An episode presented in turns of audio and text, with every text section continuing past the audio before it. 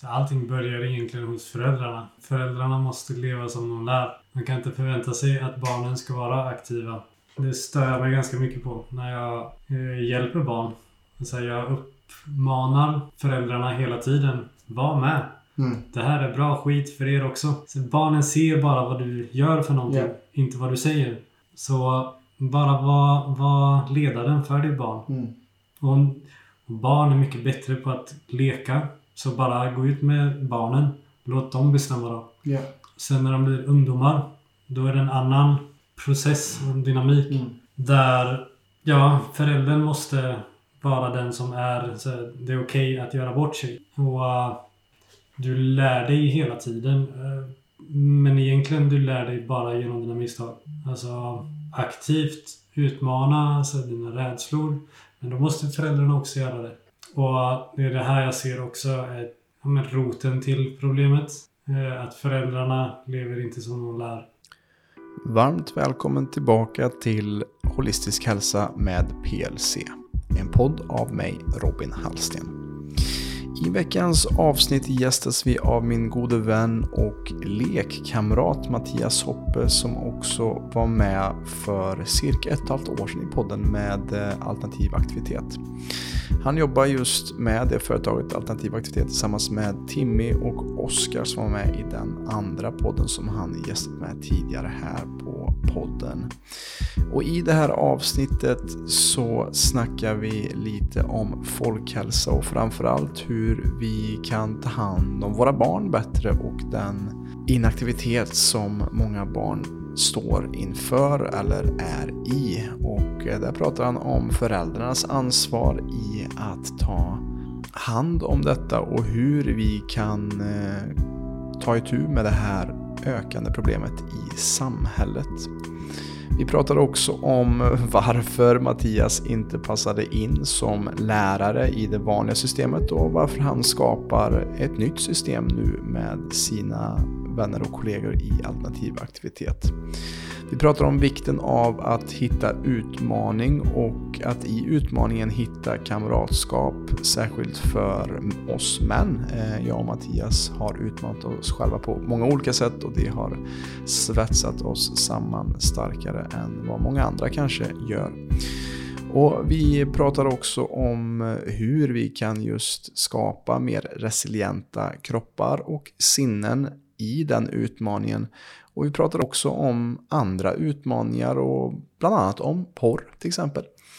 Och detta och mycket annat snackar vi om i det här avsnittet som jag är glad att dela med dig. Och eh, i samband med det här avsnittet så fyller också Mattias faktiskt år. Eh, så stort grattis till dig Mattias och vi släpper detta faktiskt i samband med att du fyller år. Det tycker jag är eh, extra roligt med det här avsnittet. Och innan vi drar igång med det här avsnittet vill jag bara påminna om vårt samarbete med pureness.se. Använd koden PLC-podden med 2D när du checkar ut deras onlinekassa för att få 20% rabatt på hela deras sortiment som kan hjälpa dig att optimera din hälsa. Alltså PLC-podden med 2D för att få 20% rabatt där. Och som vanligt vill jag bara be dig om en liten tjänst att tycker du om den här podden Tycker du att eh, vi levererar värde och hjälper dig att elevera ditt sätt att se på din hälsa? För all del, dela gärna med dig av den här podden till flera människor. Och ge oss gärna en femstjärnig recension på Apple eller Spotify eller vart du än eh, lyssnar på den här podden så att vi kan spridas till ännu fler och på så sätt förändra Sveriges syn på hälsa. Nu kör vi igång med veckans avsnitt här med Mattias Hoppe. Jättekul att eh, ha dig vid mitt köksbord igen. Det var länge sedan. Tack, kul att vara här. Eh, du är ju en väldigt, väldigt god vän till mig men du är också väldigt många intressanta saker och det är det vi ska prata om lite idag. Just eh, vad som sker i ditt liv och de olika projekten som du gör ihop med alternativ aktivitet och som jag också är med på ett hörn ibland när jag har tid över. Men eh, jag tänkte lite så här att, eh, ja hur ska vi, hur ska vi börja här? Jag tänker att vi eh, gjorde ett avsnitt ihop med Timmy och Oskar och dig för ett och ett halvt år sedan ungefär. Där vi snackade om alternativ aktivitet. Så för er som inte lyssnat på det kan det vara bra att lyssna på det om man vill för att höra mer om just alternativ aktivitet. Nu ska vi fokusera på dig tänker jag i det här avsnittet. Um, men för de som inte har lyssnat på det avsnittet, hur skulle du beskriva dig själv för de som är helt ny till Mattias Hoppe? Um, ja, en väldigt nyfiken person. Har uh, alltid varit nyfiken på att utmana mig själv i, uh, fysiskt mycket. Göra, jag är väldigt intresserad av att ha väldigt roligt i mitt liv. Och uh, mm, jag leker väldigt mycket. Mm. Jag hittar mitt inre barn väldigt tidigt skulle man säga. Mm. Ja, för du var ju ihop med dina bröder och din syster också wakeboardproffs i väldigt tidig ålder och turnerade runt världen över och var bland de bästa i den sporten. Ja. Um, mm, det började väldigt, väldigt tidigt med att jag och mina syskon pushade varandra väldigt mycket mm. i, i allt egentligen.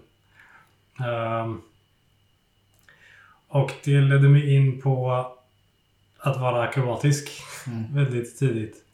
Jag älskade gymnastiken i skolan och har alltid tyckt om att se vad min kropp kan göra typ. Mm.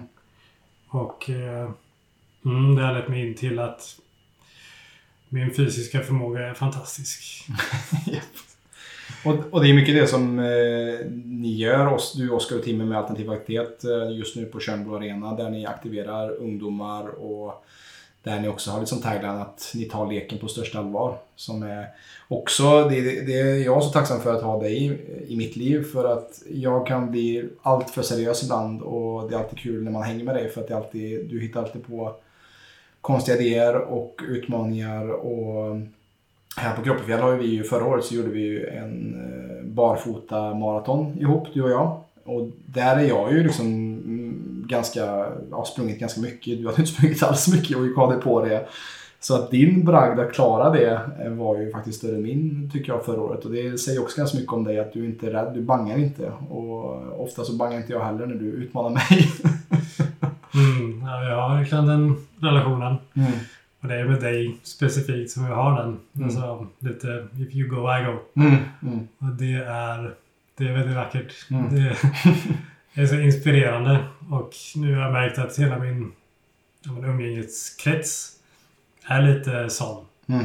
Men framförallt med dig. Mm. Att eh, jag kan alltid vända mig till dig och jag vet att du inte bangar. jag är väldigt så här, Ja, men jag har mycket spring i benen. Jag vill eh, hitta på någonting. Jag vill ha något projekt. Eh, jag vill ha någon utmaning. Det kan vara allt från... Eh, ja, vi satte ju upp en utmaning tillsammans eh, där vi skulle springa på alla fyra i en mil. Mm. Och, och det är det som är så roligt att bara ja, men, ha idén, eh, committa till den och testa. Mm. Och så bara, vänta nu, det kanske är det kanske är väldigt svårt. det kanske inte är görbart liksom. Och jag tittar inte så mycket på om någon annan har gjort det heller. Nej. Eh, det är inte så viktigt för mig. och jag gick ut och bara testade så här. Vad innebär det faktiskt att gå på alla fyra? Mm. Eh, distans. Mm.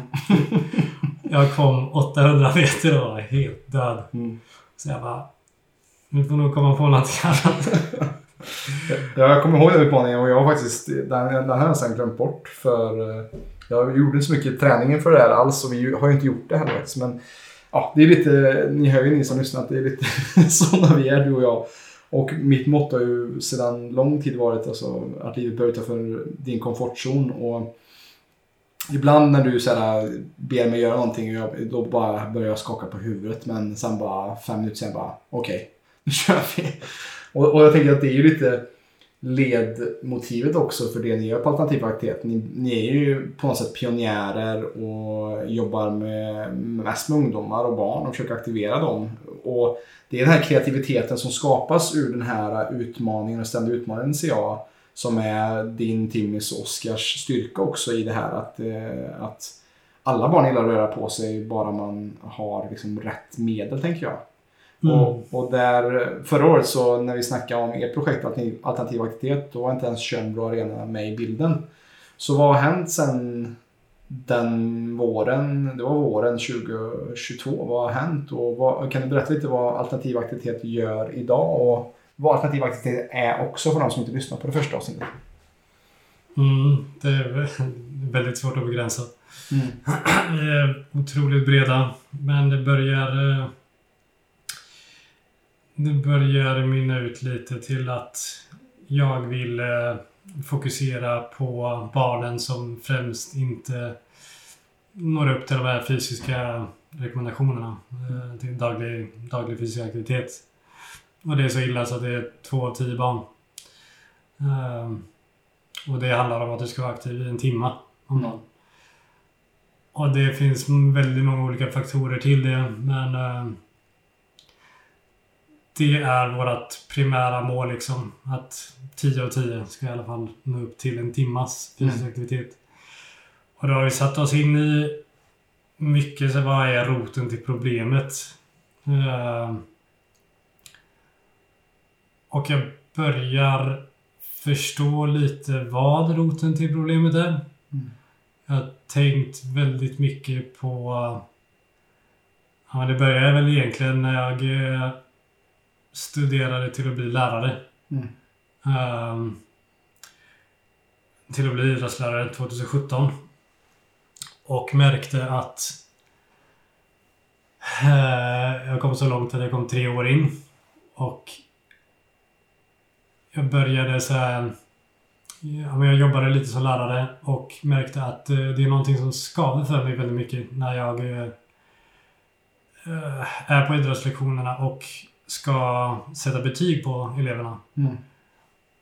Och så det jag har läst på universitetet är att det finns ingen evidens för att vi ska sätta betyg på elevernas prestation, för det är det det blir. Så I läroplanen står det väldigt tydligt och det är så fina definitioner på allting och hur man ska förhålla sig till rörelse och utveckla och de kroppsliga förmågorna. Men det funkar inte för att det man fokuserar för mycket på man måste bedöma deras prestation. Mm. Hur man än vrider och vänder på det så är det det som är ja primeras och det är här som ja, alltså det är ett enormt stort problem nu med stillasittande. Det har ju enorma konsekvenser på hela samhället. Mm. Eh, Jag tror att det, ja, det blir bara värre och värre. Och eh, det blir ju inte bättre med digitaliseringen. digitaliseringen. Nej. Eh, Så det, det så problemet är så stort och jag har börjat bena ner det Mm. till vad, vart ska man börja någonstans. Och jag har kommit fram till att det behövs en systemförändring Mm. i... Ja, nu, går jag, nu går jag in på djupet vad mitt mål är. Det är inte nödvändigtvis alternativ aktivitetsmål. Men vad jag har kommit fram till utifrån mina erfarenheter av hela mitt liv och vad jag har upplevt när jag eh, är fysiskt aktiv på, på sättet jag är. Är att rörelse ska inte bedömas. Mm. Det, det är någonting som är väldigt individuellt. Alla är vi skapta för rörelse. Mm. Och det fokuseras alldeles, alldeles för mycket på specifika idrotter. Mm. Det finns ingen evidens för att du ska för att man ska spela fotboll till exempel. Du lär dig massa andra bra förmågor utav att spela fotboll. Men det är väldigt många barn som, ja men jag vill inte spela fotboll. Mm. Och så är det svårt att motivera dem. Och enda anledningen egentligen till att vi har betyg i skolan, det är urvalsfunktionen. Mm. Som bara gynnar de som vill läsa vidare. Mm. Så det är ett system som egentligen sänker väldigt många barns självförtroende. Mm. För man når inte upp till de kraven som sätts på dem i skolan. Ja. Ja, långt svar på.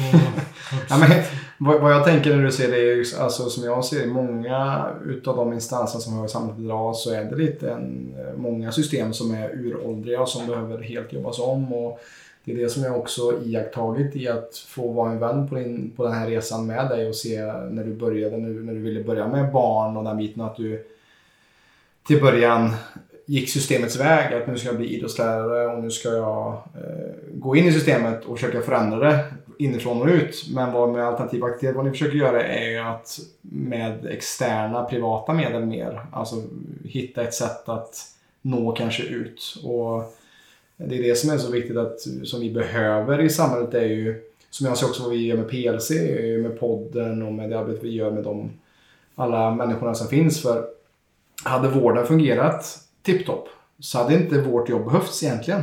Mm. Men hur kommer det sig att det är tusentals människor som har liksom säger till oss att det här borde vi lära oss i skolan eller det här eh, varför inte min läkare tipsat mig om min sömn eller min, min andning och kolla på sådana saker innan man får till exempel utskrivna medicin och så vidare.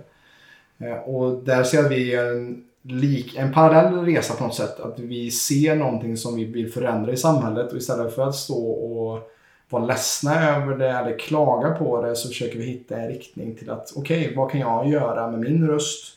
Vad kan jag göra med mina handlingar för att faktiskt visa, alltså att för min del handlar det inte om att vara emot någonting utan det handlar om att skapa någonting som blir så bra så att det gör att andra system kanske inte är, om man ser att det är inte lyckat att hålla på med så som man kanske gjort tidigare. Eh, och sen, men med det sagt så finns det många saker i skolans värld som funkar bra och många saker inom vård som funkar bra. Det är inte det jag vill säga heller, men det finns också saker som kan bli optimiserade och bli ännu bättre. Och det jag ser också med eh, vad ni gör med alternativ aktivitet också för att när man är en mindre organisation och mindre företag så har du också en större frihet kreativt för att du har inte en stor apparat som ska följa. Eh, och det är samma med PLC också med, med teamet där vi har där att vi, vi agerar ganska fort när det kommer till förändringar för att vi inte har en kolossal organisation bakom oss också. Mm. Ja, jag har fått känna på sätt när jag väl följde systemet och... Här, kissen. Ja. Ehm, jobbade som lärare så fick jag sparken. Ja, för att du var för kontroversiell för det systemet. Ja, jag, eh, så jag pratade om eh, bara lektionsupplägget var psykisk ohälsa. Mm. Och jag har ju inga medicinska kunskaper eh, egentligen. Så jag, kunde, jag får inte prata om det ämnet. Mm. Och eh, så sa jag också att jag kommer inte bedöma den här lektionen.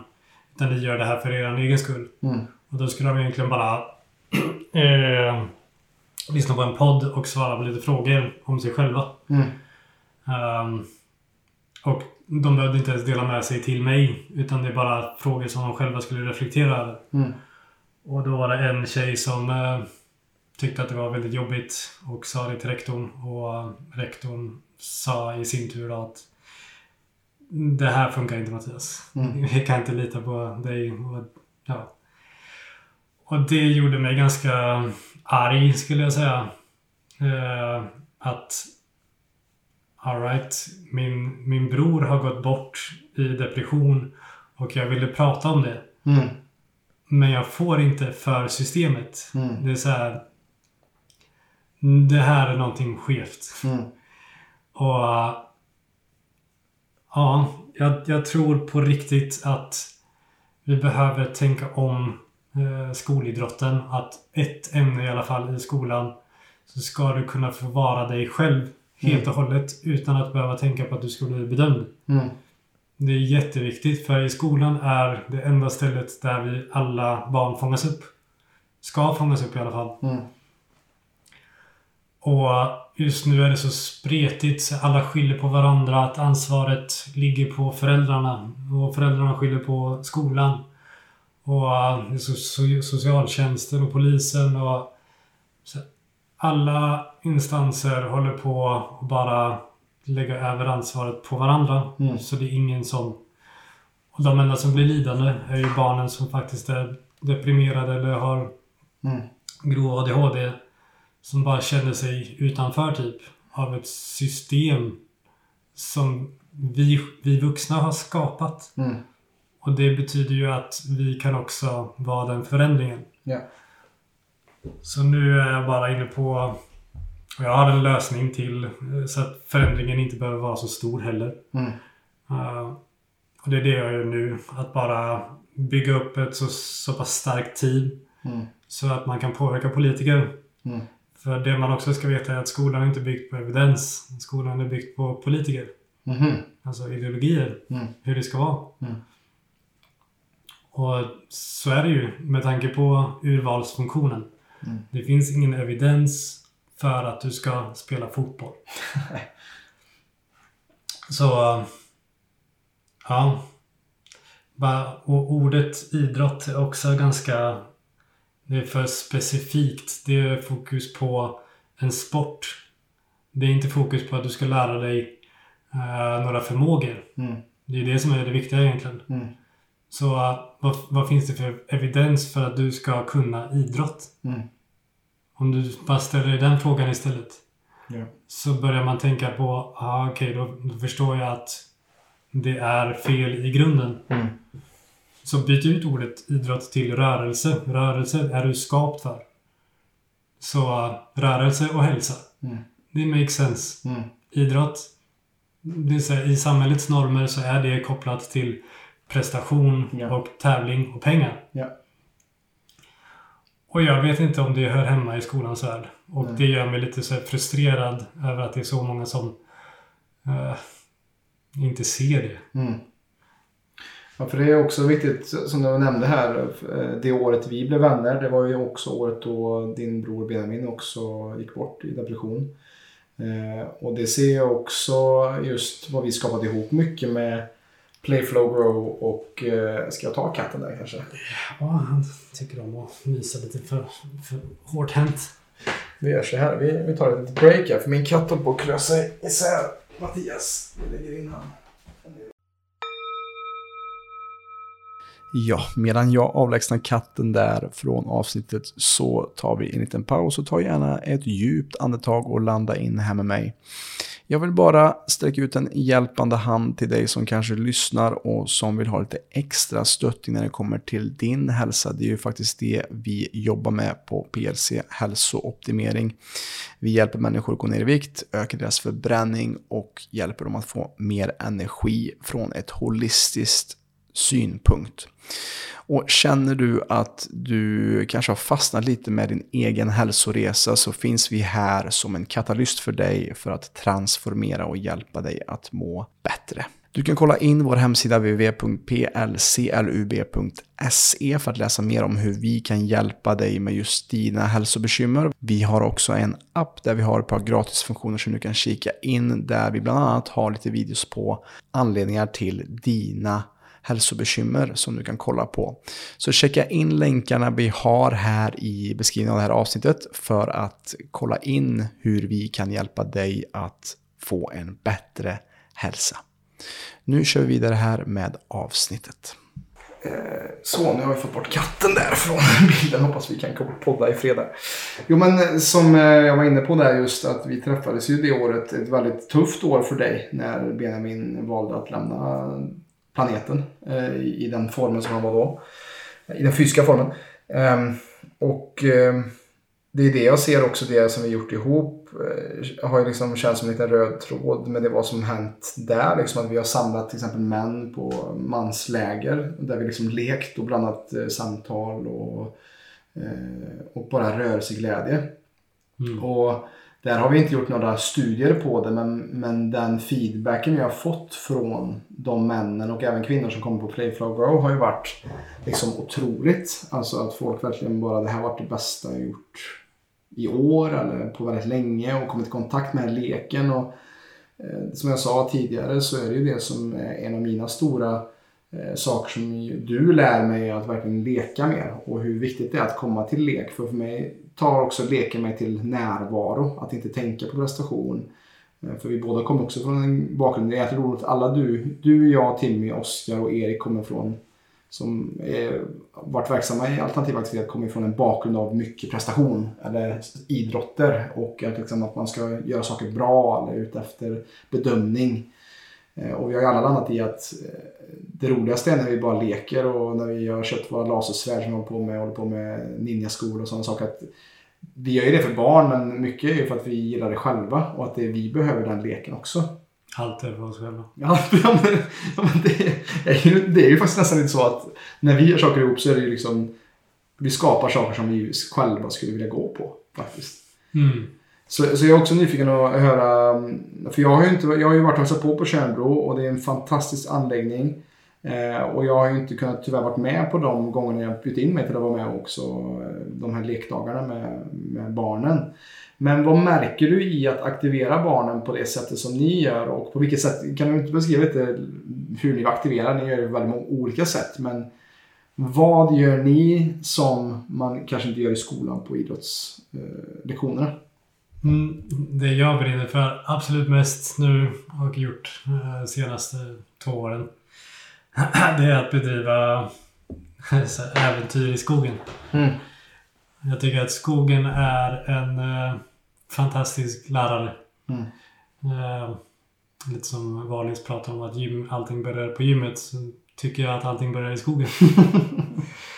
Eh, för jag har ja, men, så här, min fysiska förmåga. Jag kan lära mm, vem som helst egentligen vad som helst. Bara viljan finns där.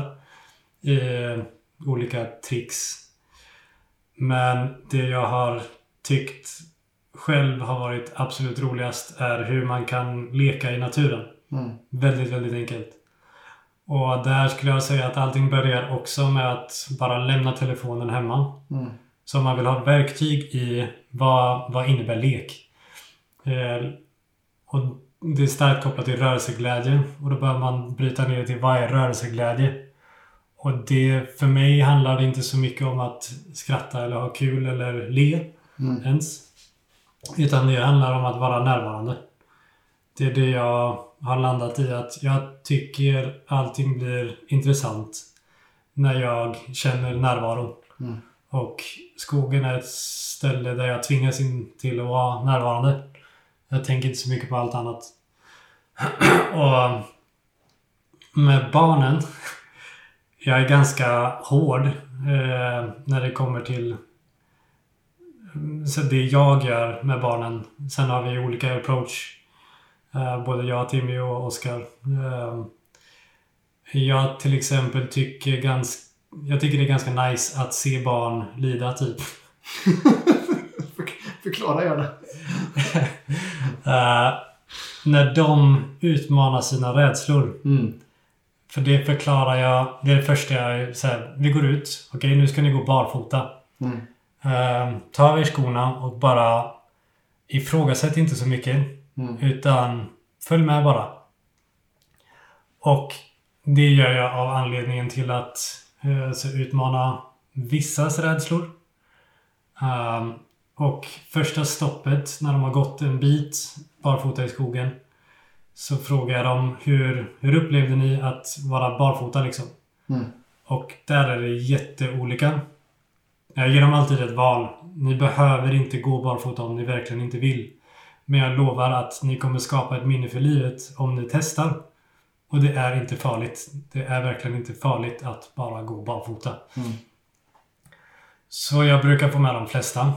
Eh, och när vi gått en bit då, så frågar jag hur upplever ni det? Och där är det jätteolika svar. Vissa barn bara, det är äckligt, det är hemskt, det är massa kryp. eh, det är blött, det är geggigt. Och vissa, det är jätteskönt, det är Mm, fantastiskt. Och så säger jag direkt att hör ni nu hur ni alla upplever samma situation på olika sätt? Mm. Vad betyder det för er? Mm. För mig betyder det att jag vet aldrig vad någon annan går igenom. Mm. Och det vet ju inte ni heller. Sen någon person... Och nu senaste gången jag tog ut barnen i... Då var det en tjej som tyckte det var skitjobbigt. Men hon gjorde det ändå. Och så frågade jag bara varför tycker du att det är så jobbigt? Och så kom det fram att hon eh, hade trampat på glas. Eh, när hon var ännu mindre, barfota. Mm. Och så ja, men, pratar vi lite om så här, trauman. Och det är så att barn förstår att sånt sätter sig i kroppen. Mm. Och bara... Och det är det jag tycker om. Och så jag uppmuntrar henne att bara... Det här är så otroligt vackert. För det du gör är att du visar mod. Du går mot dina rädslor. Mm. Och det är här barn lider. Mm. Och det är det jag tycker är så fint. Mm. Att övervinna sina rädslor. Eller i alla fall känna på dem. För barn, det, är det jag upplever är att de har så otroligt olika förmågor att göra olika saker. Ehm, det är ett sånt extremt stort glapp. För det är vissa barn alltså är verkligen hemmasittare. Mm. Och snittar 13 timmar framför en skärm. Mm. Och när de kommer ut i naturen så är det ju att här kan jag inte på något sätt jobba med eh, nivåskillnader. Utan här får jag hitta den gemensamma nämnaren som är för alla barn. Ja, Och det är mentalt. just det. Och sen pratar jag alltid om mina egna stories kopplat till varje övning. Mm. Som barfota. Vet ni vad barn? Jag har sprungit eh, ett maraton barfota. Det visar sig att det funkar. ja, exakt.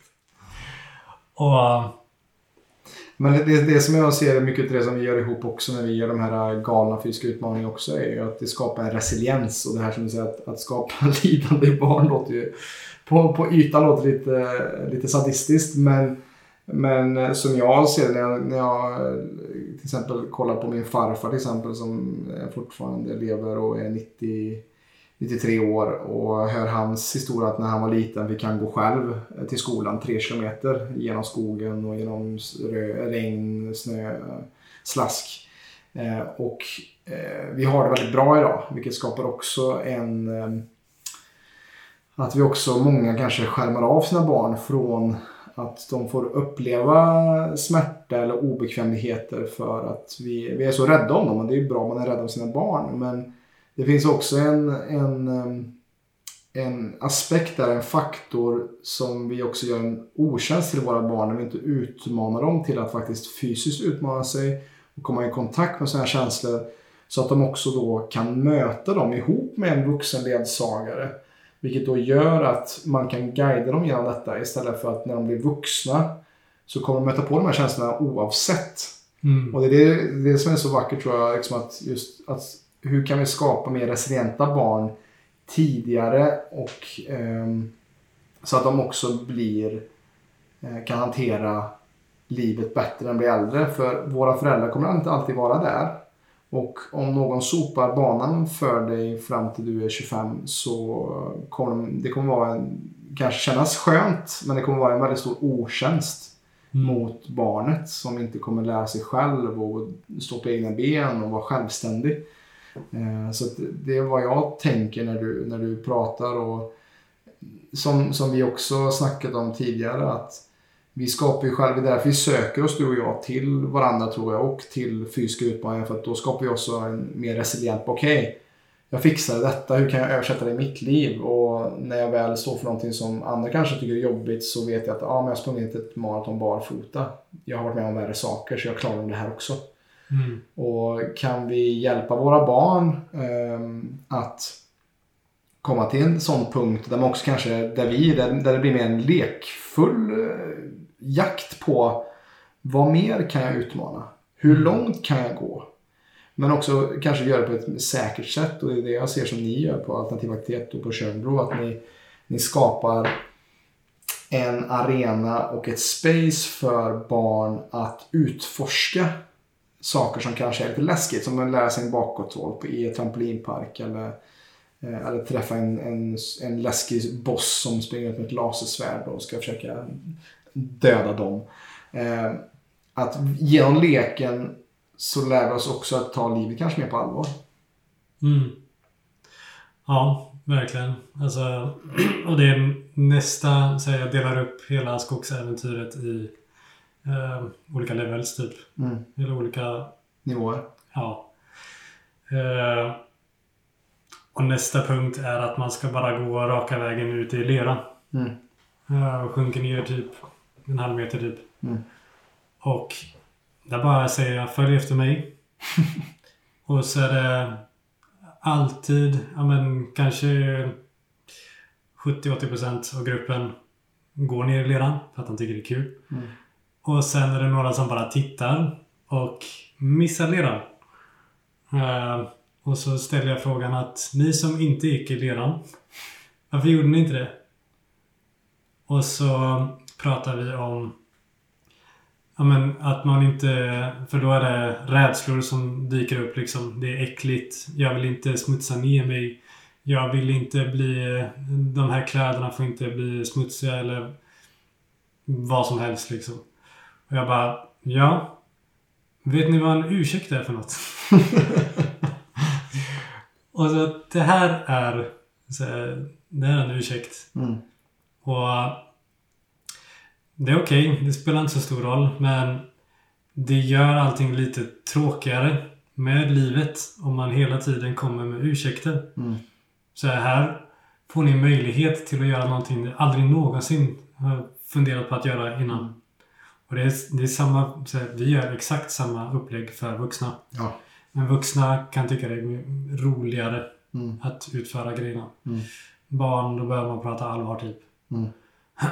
Ehm, så, och direkt efter det eh, lerbadet så pratar jag om att så just nu så lever vi i en ganska osäker tid. Där all kunskap är egentligen byggd på annans kunskap. Och vad jag menar med det är att, ja men, ett exempel då. Ni är kanske 10 år. Hur många loggor, hur många företag kan ni? Mm. Och så kan man kanske 100, 200, 300. Mm. Hur många ätliga växter kan ni? Hur många Mm. träd kan ni? Och så, ja, fem. och bara, ja. Och det är ganska oroväckande att vi börjar tappa våran connection till vad som är faktisk kunskap. Mm. Och så frågar han så här, vet ni hur en mobil funkar? Nej. Eller alla säger ja. Okej, så ni vet alltså hur jag kan kommunicera med någon annan på andra sidan jorden? Mm. Ja, men det är bara att ringa liksom. Mm. Okej. Vet ni hur, hur morse funkar? Vad är det? Nej, precis. Så jag, jag själv har absolut inte den blekaste av Mm. hur en telefon fungerar. Hur Mm. kan jag kommunicera med någon? Så jag kan inte bygga en telefon. Nej. Jag vet inte hur jag... Och det är det här som är lite oroväckande att vi tappar, så när mer teknik kommer in så tappar vi eh, ganska viktig kunskap. Mm. Och så säger jag att okej, så, så det som är ganska oroväckande nu och det här vet inte era föräldrar om heller. Det är att vi vet inte vad som kommer hända de kommande 30, 20, 50 åren. Vi har redan fått uppleva en pandemi. Den var väldigt mild. Den hade kunnat vara bara lite värre. Så total kaos. Mm. Kollaps. Vi kan... Eh, så här, AI vet inte vi vart det kommer ta oss. Man kan bara spekulera. Mm. Eh, klimatförändringarna är ju ett faktum. Det händer här och nu. Mm. Och ett eh, världskrig är på väg. Så här, man vet inte, det är så många oklara faktorer som kan göra att du är väldigt ensam liksom. Och vad bygger du upp? Mm. Och det här kan en tioåring ta till sig. Och Mm. det tycker jag är så coolt. Mm. Så här, vad gör du om strömmen går? Mm. Det är därför du ska göra sådana här saker. Mm. Bara gå ut i skogen. Det är inte farligt att bli lite lerig. Mm. Utmana dig. Och så varje stopp vi gör i skogen kopplar jag väldigt mycket till verkligheten. Ja.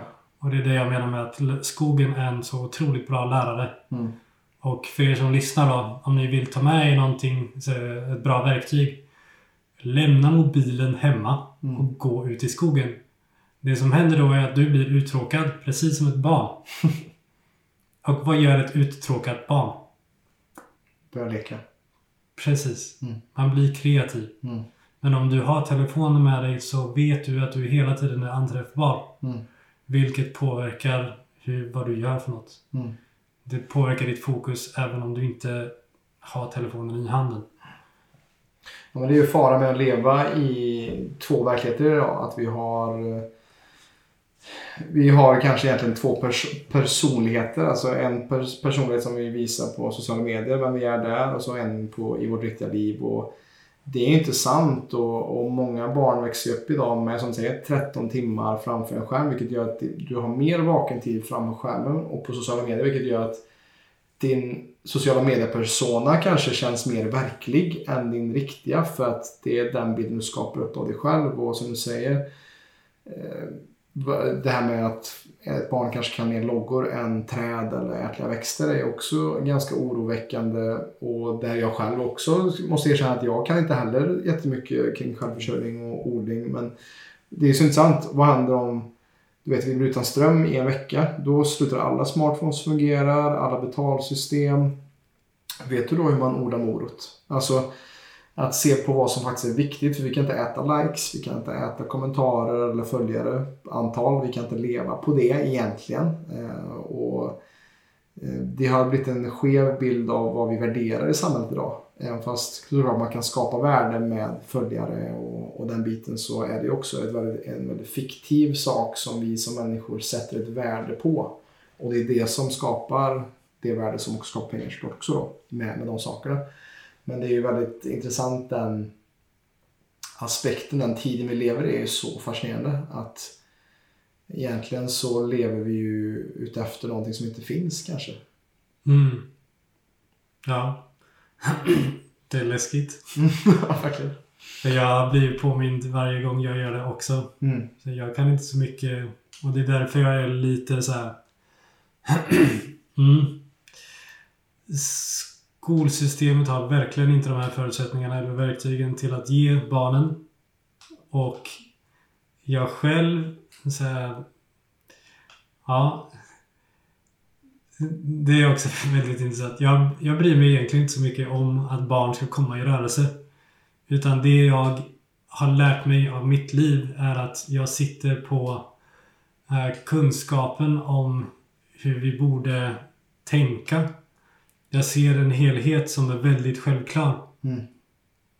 Och det är typ meningen med mitt liv nu. Att jag ska bara jobba allt vad jag har för att den här förändringen det är inte att den så, den måste ske. Mm. Om vi ska ha en chans till att bygga starka individer. Mm. Det... Ja. Jag, jag brinner ju så mycket för det. För att det är så många barn som, som lider. Alltså, bara för några veckor sedan så fick jag höra om en 13-årig tjej som eh, begår självmord. Mm. Och det är ju helt sjukt. När man... Så, ja. Har hela livet framför sig egentligen. Ja. Mm. Och det finns vägar ut. Mm. Det är så många som lider i onödan. Mm. Och här har jag... Det är många som kommer dö under tidens gång. Mm. Men vi måste börja någonstans och vi behöver, vi vuxna måste börja samla oss. Vi måste eh, fokusera på samma mål. Jag lyssnade på när Sverige möts med hur man ska stoppa eh, de kriminella gängen, hur de Mm. rekryterar massa barn. och det var så sjukt tydligt hur vi inte har någon vettig ledare. Alla bara skyller på varandra och så att Sverigedemokraterna börjar prata om att ja men barnen som eh, eller familjerna som bor i sådana här områden där det är någon i huset som eh, är kriminell. De borde så här, man borde eh, få bort de som bor i det området. Mm. Och så här, bara skjuta på problemet och polisen och politiker hårdare straff och föräldrarna borde ta mer ansvar och så, allting börjar med ett utanförskap Mm. och att inget barn Eller man, man har inte förebilderna som behövs Ja. i skolan. Och... Ja. Vi hittar ju en förebild för oss väldigt sent i livet Mm. med Elliot, Elliot Hals. Mm. Eh, och det är jag otroligt tacksam över att ha någon, någon att se upp till. Mm. Och... Mm, Ja men det är lite det som vi har snackat om också senast då att, att vi kliver in lite den arketypen nu med eh, vi är 31-32 år gamla och att det är på något sätt det är ju här vi formar den nya generationen vad vi vill lämna bakom oss eller vad, vad vi vill skapa och det, är det som behövs är ju mer mentorer och som vi har, vi saknade nog båda starka liksom manliga förebilder. Alltså, alltså flera starka manliga förebilder för att se hur, hur är en bra man? Vad är exempel för en bra man? Och har du inte det så är det lätt att man sugs upp av kriminalitet eller saker för att du inte har ett, ett hälsosamt alternativ som visar vägen. mm, Som där ser jag till exempel kampsport tror jag är ett jättebra sätt om man har en bra ledare inom det för att också träna på resiliens och rädsla för barn. Att just komma i kontakt med just att, att kunna hantera sin kropp och att kunna försvara sig. Att eh, sådana saker tror jag är jätteviktigt. Och, och det är väl också det som är tidens tand också, att det är lätt att peka finger på någon annat och, och att inte ta ansvar. Men det handlar ju om att snackar om det säkert varje avsnitt, att ta tillbaka sin inre auktoritet. Att visst, förutsättningarna är helt fakt, men vad ska du göra åt saken? Ska du sitta och lägga dig ner och ge upp eller ska du faktiskt själv börja ta taget och kanske ta tag i grannen eller din mamma eller pappa eller ditt barn och mm, vi ska försöka få en förändring inom vår familj. Eller inom, hur kan vi läka vår familj? Eller hur kan vi skapa små ringar på vattnet? Och när fler folk tänker på det hållet istället för att vi ska lägga bort vår auktoritet, att någon annan ska lösa problemen åt oss. Då skapar det också ett mer resilient, eh, en mer resilient samhälle och befolkning för att då spelar det ingen roll vad, om det är någon auktoritet som säger någonting utan då tar vi saken i egna händer. mm, Um, och det är väl lite det som både du och jag också, den röda tråden när det kommer till vad jag gör på PLC och vad du gör på att ja, men, vi, vi, vi försöker skapa en ny väg där vi ser till exempel som jag ser på PLC, så många mår dåligt, så många har problem med sin ohälsa, med utmattning och sånt. Och vad kan jag göra? Okej, vad kan jag göra för att hjälpa till? Okej, jag kan skapa meditationer, jag kan skapa podden för att inspirera människor, jag kan coacha människor som kommer in i vårt system och medlemskap. Det är vad jag kan göra från mitt håll. Sen så är det så fint att veta att du och, och Timmy och Oskar på er kant hjälper barn. Jag hjälper mer med vuxna och egentligen kanske deras mammor. och ni hjälper barnen. Eh, och att komma i kontakt med vad, vad kan jag ge? Vad kan jag bidra med i samhället? Vad är min kompetens? Vad är min unika drivkraft?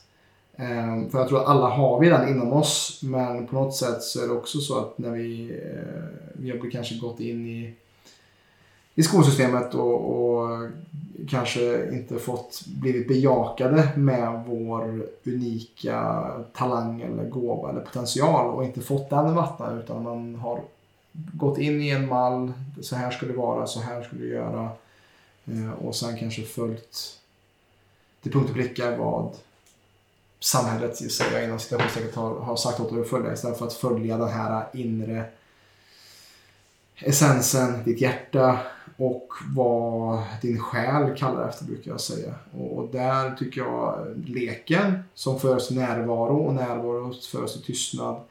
Den kan hjälpa oss att komma i kontakt med just vad är faktiskt min, mitt syfte här på den här, på den här planeten. mm. Ja, en intressant story från eh, en grabb på, jag tror han var 15 år. Mamman hörde av sig till mig för att sonen hade börjat få massa problem med eh, polisen. Mm. Och eh, åkt dit några gånger. Eh, och så frågade hon om jag kunde ta hand om honom. Mm. Eh, jag tänkte inte så mycket mer på det och sa ja visst absolut. Han kan hänga med mig eh, en dag. Och så här kom det ju då till att vi, vi sitter här i vardagsrummet. Jag vet inte vad jag ska säga eller vad jag ska göra men jag bara... Jag har hört att ehm, du har lite problem med polisen. Ehm, och jag, för mig spelar det ingen roll liksom. Jag, jag skiter i det. Jag dömer det inte. Jag förstår snarare varför. Ehm, men det du ska veta är nog att Eh, det är ett aktivt val som du själv gör. Du... Eh, så det du också behöver veta är att eh, de här valen som du gör nu kommer ha konsekvenser. Och utav egen erfarenhet, vännerna som var kriminella i den åldern, alltså höll på med mobbing och eh, snatta och ja, busungarna liksom. Mm. De, alltså några är döda och några sitter inne. Mm. Det slutade inte bra för dem. Deras liv blev ett helvete. Men än en gång, jag bryr mig inte. Men om du väljer den vägen så kommer ditt liv utav erfarenhet bli ett helvete. Mm. Och när det väl blir det, då kan du inte skylla på någon annan. Så det spelar ingen roll hur gammal du är nu. Mm. Du kan ta ansvar för dina egna val. Och jag vet inte riktigt vad det är du är ute efter. Sen när du springer ifrån mobilen eller, eller polisen. Eh, men om det är adrenalin eller vad det nu är du känner så ska du få följa med mig nu Mm. och få känna på adrenalin. Mm. Så jag tog ut Du var ju med då, för tusan. Det är ju... Var jag med då? Ja, Vem? vi tog med eh, Rohan. Jaha, ja. Mm. Just det. Just det. Mm. Och... Eh, Ja, det visste jag inte om den här historien tror jag. Nej, in, innan tror jag. Men ja, jag var här då. ja. Ja. Och så gör vi ju det vi gör. då. Ja. Och så skulle han bara klättra i träd. Mm. Och så sa jag åt honom att nu kommer du få möta eh, så här, höjdrädsla. Mm. Fortsätt gå då. Bara andas dig igenom det och fortsätt klättra uppåt. Mm. Och så gjorde han det. Och han är en väldigt, väldigt tyst grabb liksom. Och så en månad senare så bara eh, pratar mamma med mig och säger att "Va, vad har, du, vad har du gjort Mattias? Han har helt, helt förändrats. Mm. Han har slutat hänga med sina dåliga vänner.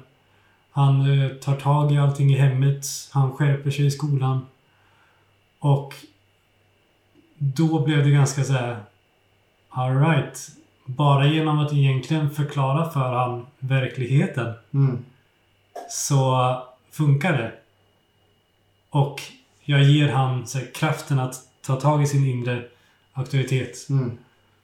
Och det här var en 15-åring. Mm. Och det här tycker jag också saknas så otroligt mycket. Vi håller på och gulligullar så sjukt mycket med våra barn. Mm.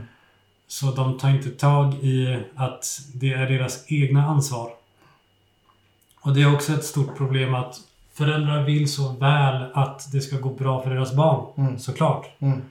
Men det kan också ha en motsatt effekt. För då tar föräldern över ansvaret för barnets hälsa. Ja. När barnet själv har ett ansvar. Mm.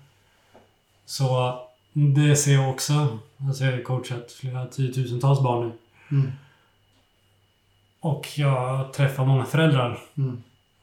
Och det är så intressant att se den här dynamiken med förälder och barn. Mm. Hur de är mot varandra. Och ehm, Det jag älskar att se är när föräldrarna inte ska in och rätta till. Mm. Så, nu har jag dragit igång med ett koncept som heter Ninja School. Mm. Det var åtta tillfällen. och så... Eh, vi har en trampolinpark i, på Tjörnbro Arena. Ja. Och det är 50 ungar. Så första gruppen är eh, 7 till 10 år. Och så eh, första gången då. Vi tänker inte så mycket på inledningen. Utan de bara kommer och så ser de en gigantisk trampolin. Och då är det, alltså överdriver inte, kanske 13 barn på den stora trampolinen. och de hoppar och det är kaos. Och så föräldrarna blir väldigt otåliga. Mm. Och så, titta på mig. Ska, ska jag säga till dem eller ska jag... Vad, vad, gör, vad gör den där ledaren? Mm. typ. Och jag. Det är när de är så där många som de lär sig som mest. Alltså Mm. när de hela tiden behöver förhålla sig till varandra. Och den här rumsuppfattningen som de tvingas in i. Ja. Det händer så mycket i deras kroppar som föräldrarna inte ser. Mm. Men jag ser det. Och det är så många föräldrar som har så mycket regler för sina barn att Nej, bara en i taget på trampolinen. Och, Mm. och jag tror att det bara hämmar dem Mm. i slutändan. Ja, det behövs en form av utmaning och att, eh, som jag tror eh, också att barn vill nog ha mera ansvar än vad vuxna tror ibland och att de kan också växa med ansvar. Sen ska jag inte säga någonting för jag har inte barn så vad ska jag, vad vet jag egentligen? Men, men det är min uppfattning. Jag tror det är som med exemplet som han som vi var ute med i skogen där och lekte med och bara och höra det är ju jättefantastiskt att bara höra att, att just ta tag i din skit. Eller att, att vi behöver kanske ibland också ha lite tuff kärlek också mot våra, våra bo- både vänner och eh, kanske våra föräldrar och våra barn också för den delen också. Att verkligen, jag vill ha vänner runt omkring mig som säger till mig när jag är helt ur min linje. Som Mm. verkligen håller mig ansvariga och det är det som är som när vi har våra utmaningar. Jag måste ju, jag kan ju aldrig vara inte tränad. för att när jag träffar dig nästa gång så vet jag inte vad som vi kommer göra eller hitta på. Så att man måste ju alltid slipa sitt svärd. Och Mm. eh, det är viktigt att, ha, att man är på tå och att man aldrig... Det är bra att hitta avslappning såklart men att också inte vara helt avslappnad i, i vem man är och vart man ska för då sker det heller ingen utveckling. Och har vi någon då som också curlar framför oss och sopar framför oss så hur ska vi då kunna hitta vårt eget ansvar? Det är väldigt svårt då eh, om vi inte får lära oss själv genom att göra fel, eh, ramla eh, eller göra bort oss. Det är otroligt viktiga delar i att lära sig att bli en bättre människa och att förstå, aha, jag behöver göra om den här äh, ordningen på de här handlingarna för att det här funkar ju inte. Men har vi någon som alltid sopar banan och kanske tar hand om konsekvenserna så, så kommer vi inte lära oss någonting utav när vi gör felaktiga saker eller när vi får feedback på, på sådana saker. Mm. Och det här jag också ser väldigt... Så allting börjar egentligen hos föräldrarna. Mm, Föräldrarna måste leva som de lär. mm. Man kan inte förvänta sig att barnen ska vara aktiva. Nej. Och det, det stör jag mig ganska mycket på när jag eh, hjälper barn. Så här, jag uppmanar föräldrarna hela tiden. Var med. Mm. Det här är bra skit för er också. Mm. Och så är det kanske någon, någon som får för sig att det, det ser lite kul ut. Och jag bara, ah, förstår ni inte att det här... Så barnen ser bara vad du gör för någonting, Ja. inte vad du säger. Så bara var, var ledaren för ditt barn. Mm. Och, och barn är mycket bättre på att leka. Så bara gå ut med barnen. Låt dem bestämma då. Ja. Sen när de blir ungdomar, då är det en annan Dynamik. process och dynamik. Mm. Där ja, föräldern måste vara den som är så det är okej att göra bort sig. Mm. Och uh, du lär dig hela tiden. uh, men egentligen du lär dig bara genom dina misstag. Mm. Alltså aktivt utmana alltså, dina rädslor. Men då måste föräldrarna också göra det. Mm. Och uh, det är det här jag ser också är ja, men roten till problemet. Eh, Att föräldrarna lever inte som de lär. Nej. De behöver så, Det är det jag tycker med alla föreningar och idrotter. Gör det tillsammans med föräldrarna. Ta Ja. med dem liksom. Inkorporera. Mm. Mm. Verkligen. Och det är det som har varit ett så lyckat koncept för oss. För Ninja School, de yngsta åldrarna, är med föräldrarna. Mm. De tycker det är skitkul. Så Det, det kan jag förstå för att eh, på ett, ett sätt kan jag tänka mig att vuxna som kommer första gången bara ah, ska jag också så här, eh, krypa eller ska jag undvika en, ett eh, lasersvärd eller hoppa runt här? Nej. Men jag kan tänka mig efter sista gången så är det bara jag vill ha mer, tänker jag. För att eh, det märker vi ju att så fort man får ut folk i naturen barfota eller när man hittar på lekar eller när vi kör blindgång eller någonting sånt att man får ta bort något sinne och eh, förstärker andra så det sker någonting med, med när vi kommer till den här närvaron och leken. Mm, kan ju prata om Blingo. Det kan vi göra. Det är ett väldigt intressant koncept. Eh, det började förra året på en festival Borderland. Mm. Där jag var bara intresserad. För jag tycker det är kul att uppleva andra perspektiv på livet. Mm. Eh, Det är någonting jag bara tycker om att göra. Mm. Så ja. Eh, åtta timmar gick jag runt i Speedos. Barfota. Med en ögonbindel. och bara hade en skylt på mig. eh, Having a blind day. Mm. Och det var så här till första, första två timmarna var ganska kul. Mm. Eh, jag gick in i massa tält, hade ingen aning om vad som hände typ. Eh, och sen så satte jag upp ett mål för mig själv att nu ska jag vara med på en workshop. Mm. Så jag var med på capoeira. Ehm, och det var här, ganska svårt till en början. Jag visste inte vad jag skulle göra genom att bara lyssna. Så, eh, och det här var ju nytt för ledaren också. Mm. Så det var en kul utmaning för honom också. Mm. Att se eh, hur, hur anpassar man efter den här personen som kommer nu. Mm. Det är mycket vi jobbar med anpassning typ. Så det jag lärde mig där var att okej, om jag bara får känna på hans kroppsrörelser. Eh, då fattade jag precis vad jag skulle göra. Mm. Ehm, men, och sen efter det så började en frustration växa inom mig att så varför, eller jag tyckte det var jättejobbigt. Jag bara, varför tycker jag att det här är väldigt jobbigt? Och då slog det mig att okej, jag har jättemycket motstånd till det här för att det här hade lika gärna kunnat vara för evigt nu. Mm. Och den tanken var ganska tung att bearbeta. För jag visste att om jag ska vara åtta timmar i alla fall. Så två timmar så funderade jag bara på det här. Jag bara satt helt... eh, ja, det var inte kul längre. så verkligheten så greppade tag i mig otroligt starkt. Mm. Och... Mm. Så var det som att jag... Okej, jag accepterar här och nu att eh, det kan vara så här resten av mitt liv. Mm.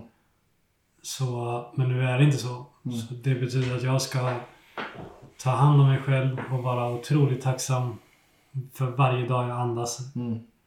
Alltså, vi tar så mycket för givet och vi lever livet genom synen. Mm. Någonting som vi inte tänker på så mycket. Eh, allting registreras genom synen. Mm. Så vad händer om du tar bort det som du tar mest för givet? Ja. Där sätts man, så oavsett vem det är.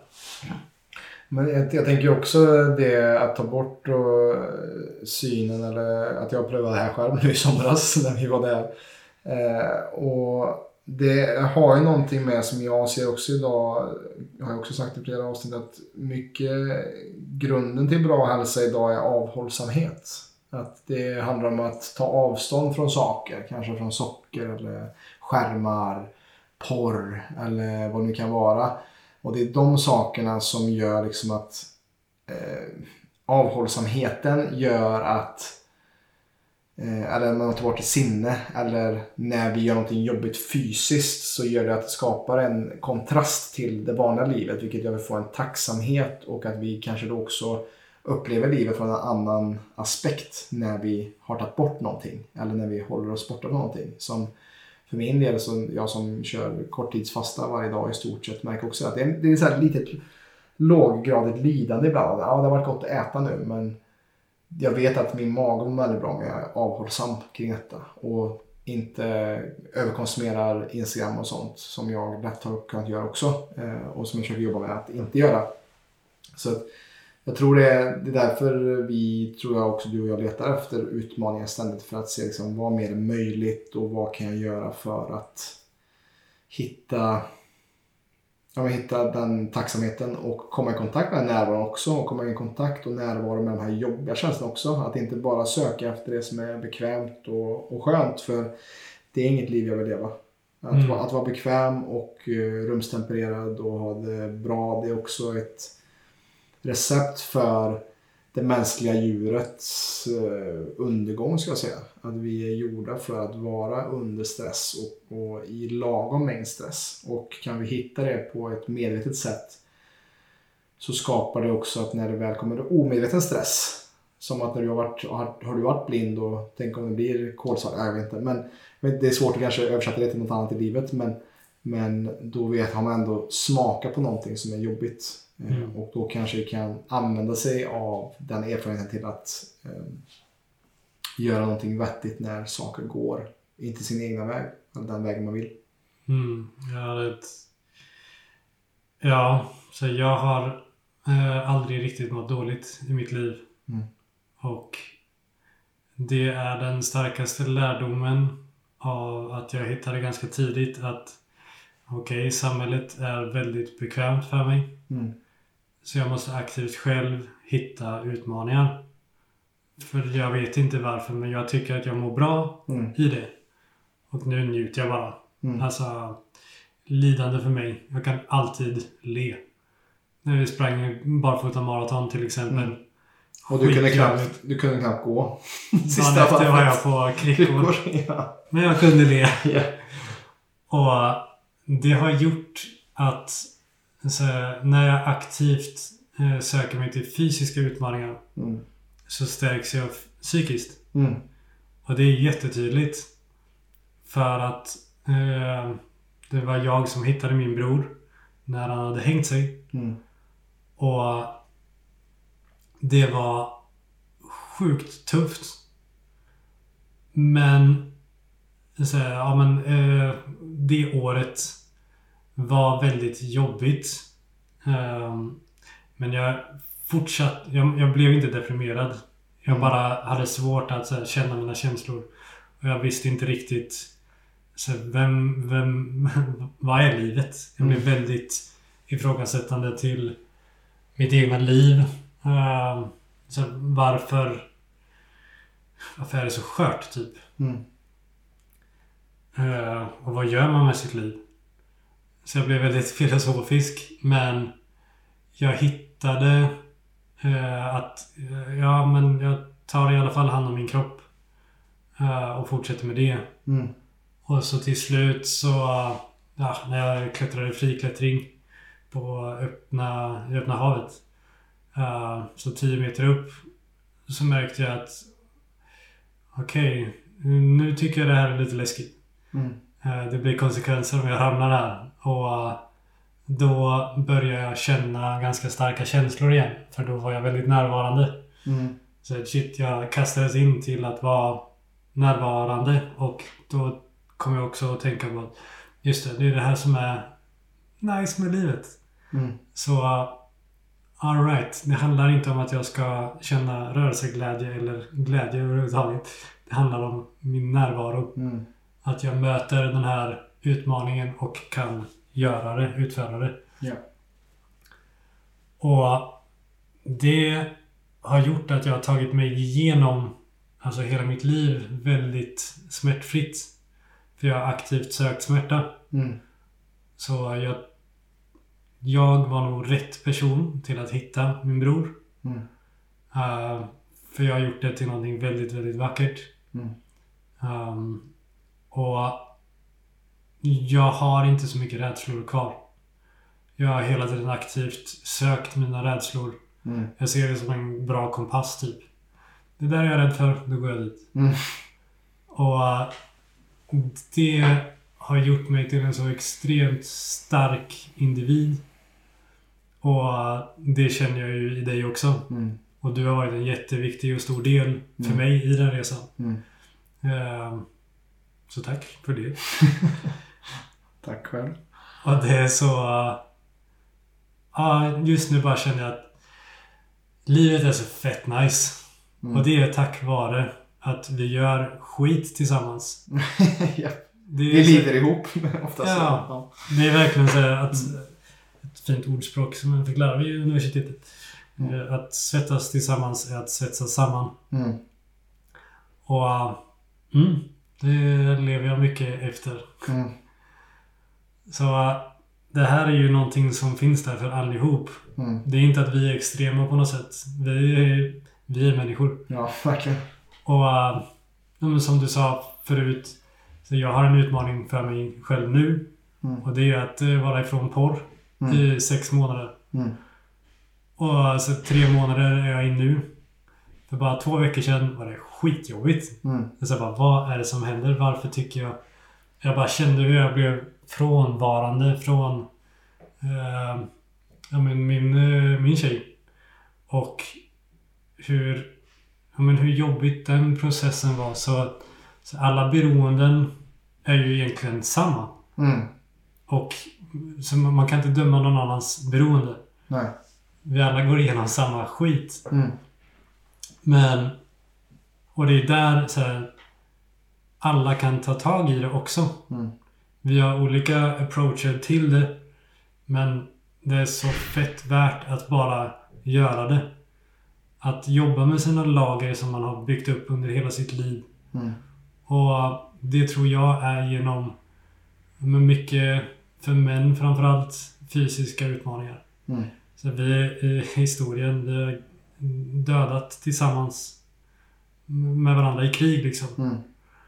Och vi är så långt ifrån det. Jag brukar tänka ofta när jag tittar på krigsfilmer att Mm. hade jag stått i frontlinjen där liksom. ja, som i Ukraina nu liksom. Då är det ju ändå vår tid. Mm. Är jag redo att skjuta en annan människa? Och sådana här saker greppar tag i mig mycket nu. Ja. Så nu kommande 5-10 åren så är jag nog mer intresserad av att eh, hålla lite mer i sådana såna utbildningar typ. Mm. Jag kan ingenting om det själv men eh, bara hur man använder sig utav naturen. Ja. Som ett exempel då. I skolan så använder man orientering. Mm. Orientering är ett väldigt laddat ord. Väldigt många barn hatar orientering. så säg då, ja men vi byter, byter ordet orientering till om strömmen går. Mm. Ja, då har du ingen telefon. Mm. Hur ska du... Navigera. Precis. Mm. Det kan hända. Är du redo för det? Mm. Och det är för mig, så här, det låter som att Ja men en sån kurs hade jag velat gå. Mm. Och jag tror att många andra känner den här oron hela tiden egentligen. Att vi vet inte vad som kommer hända. Nej. Och jag är inte redo för det. Nej. Så, så fort så minsta lilla eh, kollaps så matbutikerna kommer tömmas snabbt. Mm. Det, det går ju på så här, fem dagar och sen... Mm. Och det... Mm, jag vet inte. Så fort jag tittar på sådana filmer, så Doomsday, så Mm. då tänker man bara, just det. Det, det kan ligga lite sanning i det här. Ja, men det, vi lever ju i en väldigt överflödig tid. En tid av överflöd där du och jag aldrig egentligen har behövt svälta eller gått in i en butik och så har vi du vet, avokado och mangos från andra sidan jorden. Det är liksom sånt överflöd. Vi har aldrig känt på vad, vad brist är. Men lite det som vi är inne på i den här konversationen är att brist är också något som är viktigt att leka med. Eller att leka med av vad som heter brist. Eller, eh, för att en dag kommer det komma oavsett om du vill eller inte. Eh, oavsett om du vill inte så kanske din relation kommer ta slut eller någon kommer dö eller saker kommer vara jobbigt och du kanske kommer ställas inför mental, emotionell, fysisk eller spirituell stress. Och därför är det så otroligt viktigt att, eh, som du säger, söka sig till sina rädslor och, och varför är jag beroende av porr eller varför är jag rädd för det här eller vart är mina rädslor och vart är mina begränsningar? Eh, istället för att många idag har en man avviker från allt det och inte vågar kolla på det. Vilket gör att det, bara, att det förstärker den skuggaspekten av istället för att möta det och också inse att vi bara är vanliga människor eh, som inte är perfekta och kommer aldrig bli perfekta. Mm. Eh, och det tror jag är också viktigt att, att ta med i eh, att inte sträva efter perfektion utan vara en, en att vi är imperfekta i vår perfektion. Men jag, jag tänker lite Mattias, eh, podden, den här podden är ju för att förändra Sveriges syn på hälsa och du jobbar mycket med ungdomar i nuläget. Jag vet ju också eh, att på Tjörnbro så är ni också kopplade till Miljonmissionen. Eh, kan du berätta lite om det och så kan vi runda av lite och snacka just om, om den missionen kring att få barn i rörelse. Och eh, också, vi har ju pratat mycket om vad du tänker kring hur vi förändrar synen på hälsa men jag tänker att vi kan avrunda lite i den, i den andan.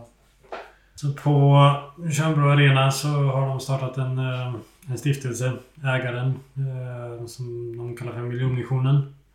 Deras mål är att få två miljoner barn i rörelse. Och det ifrågasatte jag direkt. Så det makes no sense att hålla på med satsningar som ska få barn i rörelse. Det barn behöver är verktyg, inte rörelse. Mm. Barn behöver andra förutsättningar för att komma i rörelse. Men fokus har varit, och det är överallt, att få barn i rörelse. Mm.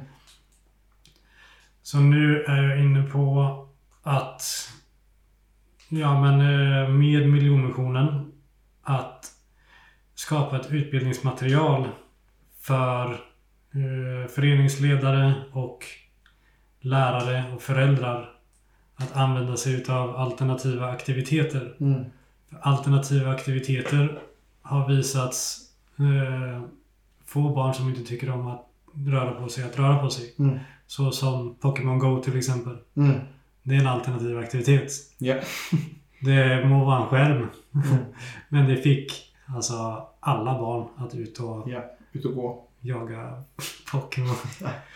och studsmatta är också en sån här alternativ aktivitet. Mm. Och studsmatta, tänker man på det, där upplever väldigt många barn att de inte behöver prestera. Mm. De bara är på studsmattan och rör på sig. De tycker Mm. det är kul. Och jag kommer ihåg det som när jag var liten. Hur man bara kunde hoppa nonstop i flera timmar. Mm. Mm, det var mamma som fick stoppa oss liksom. För vi var tvungna att gå och lägga oss. Eh, och det saknar ju väldigt många idrotter. Mm. Och det som görs nu väldigt mycket utav är punktinsatser. Mm. Man har testat på dagar. Man eh, försöker med massa olika satsningar men ingenting bär sig riktigt. För att Ja, barnen Det är så många som inte bryr sig om prestationen. De bryr sig inte om den specifika idrotten. Mm. Så här, okej nu har jag testat fotboll. Jag tyckte inte om det. Nu har jag testat ridning. Eller vilken sport det än kan vara. Och så går de tillbaks till datorn och gamer. Mm. Så det vi har gjort är att vi har gamifierat rörelse med alternativ aktivitet för att få barn i rörelse. De, är- det är som att man är i ett tv-spel liksom. Mm. Så det är en grej. Det är vad vi kallar alternativ aktivitet. Skogsäventyr är också en sån grej. Mm. Och det är att lära sig förmågor är också en alternativ aktivitet. Eh, Och det är det vi gör på Ninja School. Att bara lära allihop förmågor som du behöver kunna för din egen skull. Mm. För din egen överlevnad.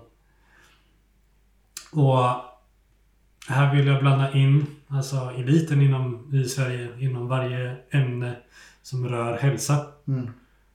Och vara ett komplement till skolan och idrotts eh, eh. För att de ska kunna använda sig utav alternativa aktiviteter. För att fånga barnen som inte rör på sig. Och det ska inte vara byggt på bedömning eller rörelse eller Mm. prestation. Och där tror jag är en viktig eh, start. Att vara den organisationen som tar det ansvaret. Att nu är det dags att fånga barnen som inte når upp till rekommendationerna. Mm.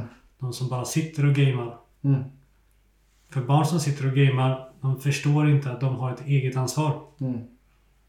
De får sina dopaminkickar liksom utav att sitta där. De behöver en förebild som säger att Ja visst, du kan sitta där. Men det kommer att ha feta konsekvenser på ditt liv. Mm. Ditt liv kommer suga, för du kommer bli sjuk. Du kommer inte kunna jobba. Mm. Din kropp kommer skrika efter rörelse liksom. Mm. Men du vet inte hur man gör. För Mm. att du har suttit framför en skärm Mm. Det här kan man säga till en tioåring. Prata Mm. allvar med dem. Det är ditt val att sitta. Framför datorn. Mm. Men det kan vara kul med rörelse. Mm. Så varför inte välja det alternativet? Och det är här som ja, tough love kom hit. Ja, men det är det som är, alltså för er som lyssnar så kolla in Könbo Arena på Instagram och Alternativ Aktivitet på Instagram. För där är ju, ni har ju ni paketerar in det så bra för att det är det som jag tycker är så kul att ha er som vänner. Dig, Timmy och Oskar framförallt. För ni är akrobater. Alltså Oskar är ju en av de främsta parkouratleterna i Sverige. Och du med kanske för den delen i och med att du håller på med akrobatik och, och wakeboard, liksom den, den svängen. Och Timmy är showwrestlare eh, och också håller på med mycket akrobatik. Så att, ni är ju som så här lite super... Alltså Mm. en liten superhero-trio som håller på med sjukt roliga saker som också fångas bra på bild också. Och den här gamifieringen, det prövade vi också nu i somras med, med vuxna och folk älskar ju det. Det blev ju att skapa liksom en, nästan som man, att vi lajvade ihop liksom en sån en för vuxna. Det var ju fantastiskt roligt. Liksom, En höjdpunkt för mig över sommaren faktiskt. Just den, de två timmarna vi gjorde det ihop. Um, men jag vill också, Mattias, med allt det vi snackat om, om du skulle kunna konkretisera ner det som vi pratade om här i över en timme. Vad är det viktigaste som vi kan ta med oss från den här konversationen? Vad är det viktigaste vi kan göra för våra barn och vuxna också, men framförallt barnen som det är det vi, du jobbar med. För att förändra den negativa trenden vi ser i samhället med barn som inte rör på sig. Det skulle jag säga är men lite olika eh, tillvägagångssätt. Men nummer ett då. Föräldrarna behöver eh, leda. Föräldrarna behöver ta bort sin egen prestige i rörelse. Bara vara mer jonspelare liksom. Mm. Ut och lek. Ta inte dig själv på så stort allvar. Mm. Om du inte tar dig själv på så stort allvar så kommer barnet eh, se det Mm. och göra samma sak. Så behåll kreativiteten, behåll barnet inom dig. Och det är extra viktigt att du gör det genom Alltså när ett barn går igenom puberteten. Det som händer då är att man börjar titta Istället för att uttrycka sina känslor så vänder man dem inåt istället. Mm. Och man börjar jämföra sig med allting egentligen. Och just nu så har de en ytterligare stress på sig för att sociala medier har inte vi vuxit upp med på samma sätt. Men sociala medier som är nu, alltså kolla bara på Bianca Ingrosso till exempel. Vad är det hon visar? Och hur många barn, alltså unga tjejer, följer henne. Mm. Det är så här, visst, texterna kanske är bra, men det är inte vad hon visar. Mm. Det är ett ohållbart kroppsideal som väldigt många influencers eh, visar. Och, Oftast med hjälp av kosmetiska ingrepp också. ja, precis. Eller alltså, de har eh, möjligheten att träna sin rumpa i fyra timmar för att de får pengar för det. Mm. Men ett barn ser inte det. Nej. De ser bara det här fantastiska ohållbara kroppsidealet som Mm. de inte kan leva upp till. Mm.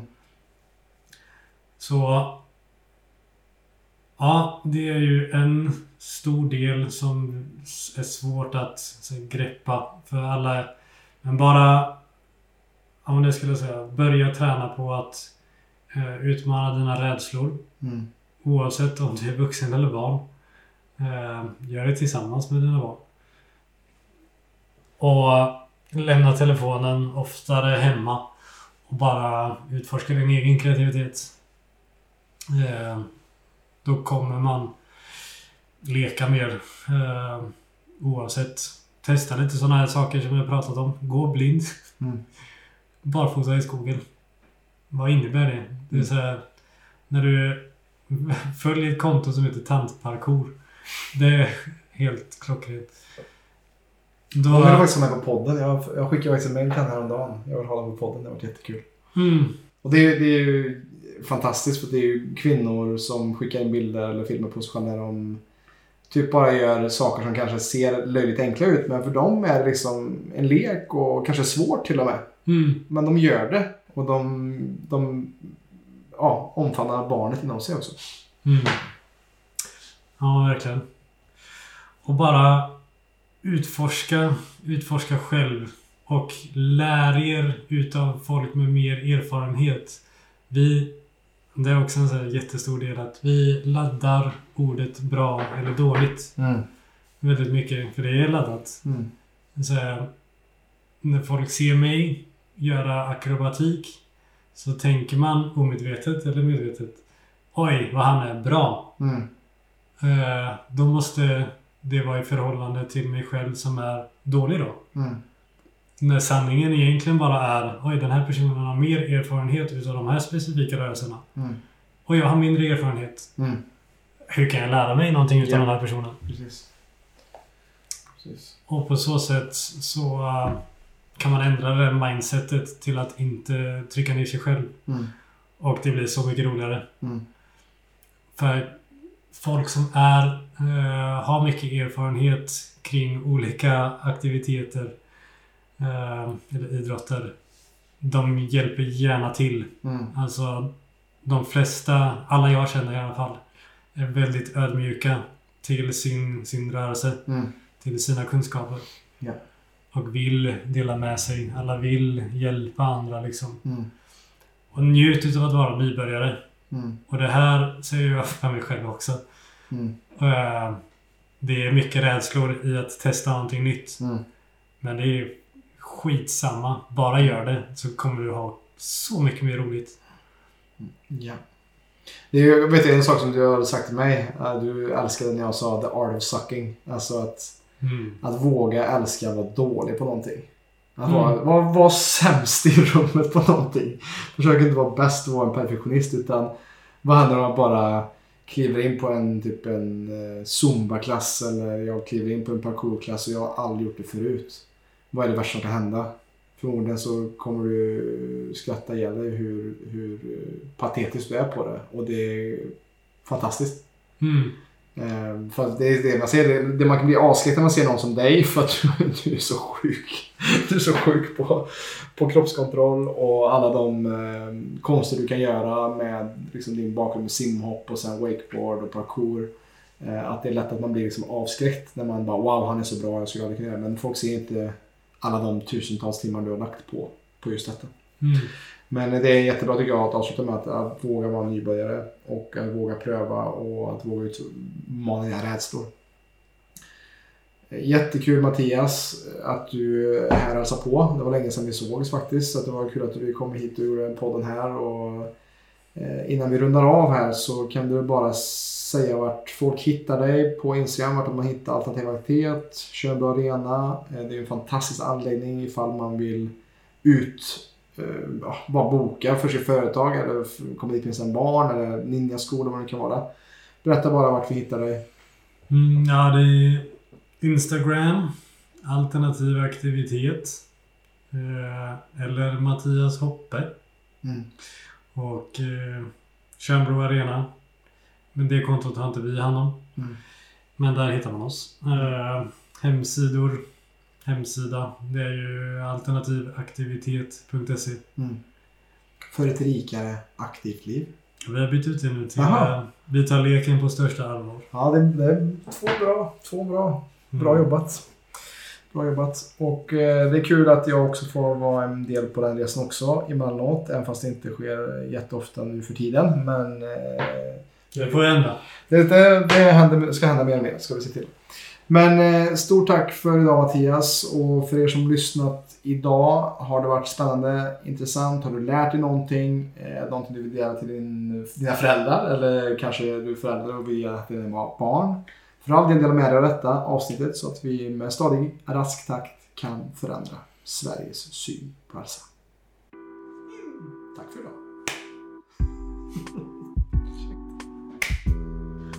Schmackeboom!